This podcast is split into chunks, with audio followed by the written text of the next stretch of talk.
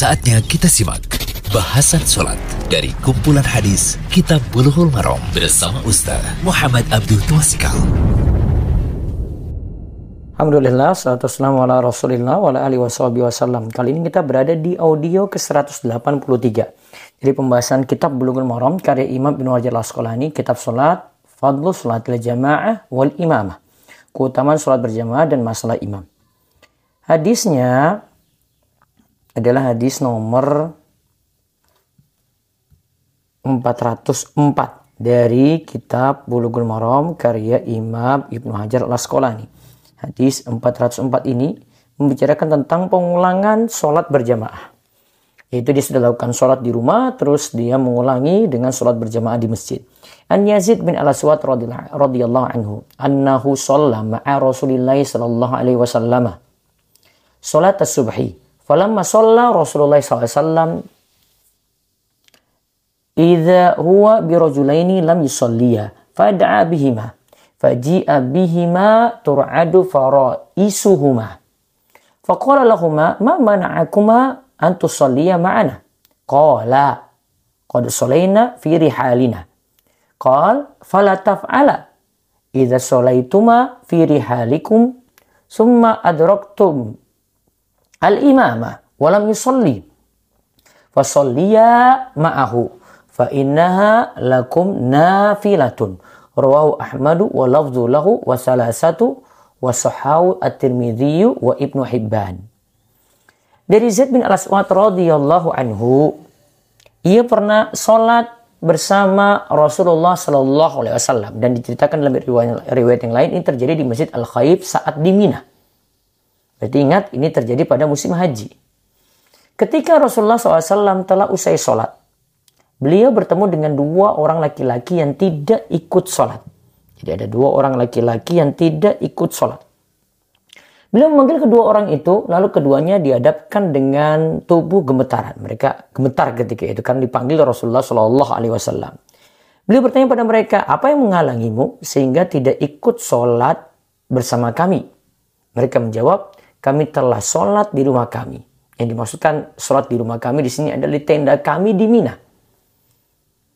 Karena ini kan di Masjid Al-Khaif tadi di Mina ya peristiwanya ya. Ya, kami sudah sholat di rumah kami, di tenda kami di Mina.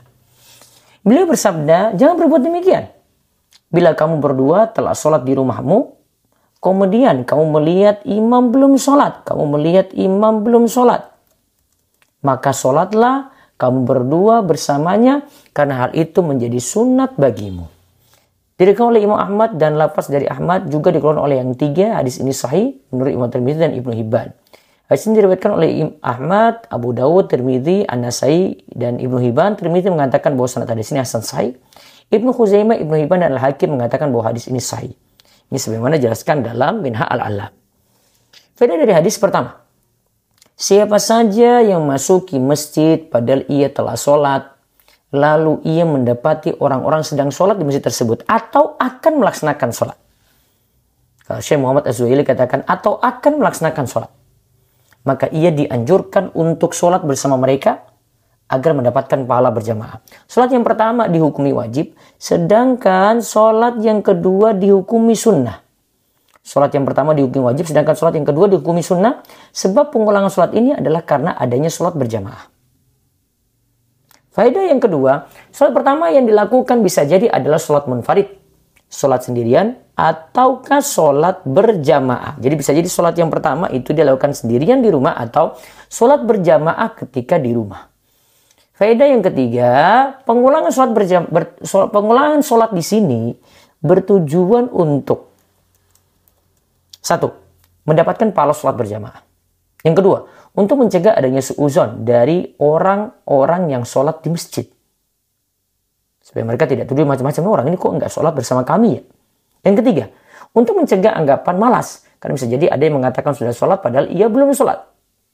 Kemudian yang keempat, keutamaan menjaga kebersamaan.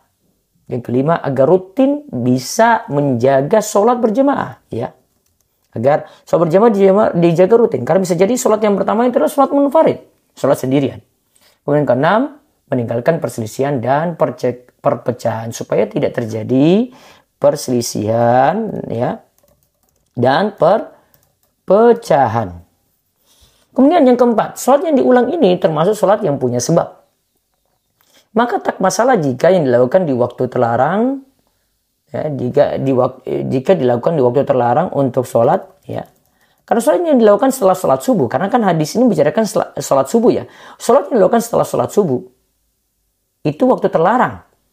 Ya, itu waktu yang terlarang untuk sholat ya karena sholat yang dilakukan setelah sholat subuh adalah waktu yang terlarang untuk sholat ya kan dia sudah sholat subuh dia ulangi lagi berarti kan dia dapati waktu yang terlarang nah ini yang uh, dikatakan tadi tidak mengapa sholat yang dilakukan ini dilakukan pada waktu terlarang untuk sholat. Terus yang kelima sholat yang diulang berlaku untuk semua sholat wajib. Tidak hanya sholat subuh berlaku juga untuk sholat zuhur sholat asar maghrib yang rokaatnya ganjil. Karena maghrib kalau tambah maghrib berarti diulangi jadi genap ya. Tetap dibolehkan juga untuk maghrib begitu juga untuk sholat isya. Kemudian yang keenam pengulangan sholat ini berlaku untuk berjamaah di masjid. Hal ini berbeda jika sholat berjamaah dilakukan di rumah atau di tempat istirahat maka tidak perlu sholat itu diulangi. Wallahu a'lam bisawab semoga jadi ilmu yang manfaat. Demikian bahasan sholat dari kumpulan hadis Kitab Buluhul Marom bersama Ustaz Muhammad Abdul Tuasikal.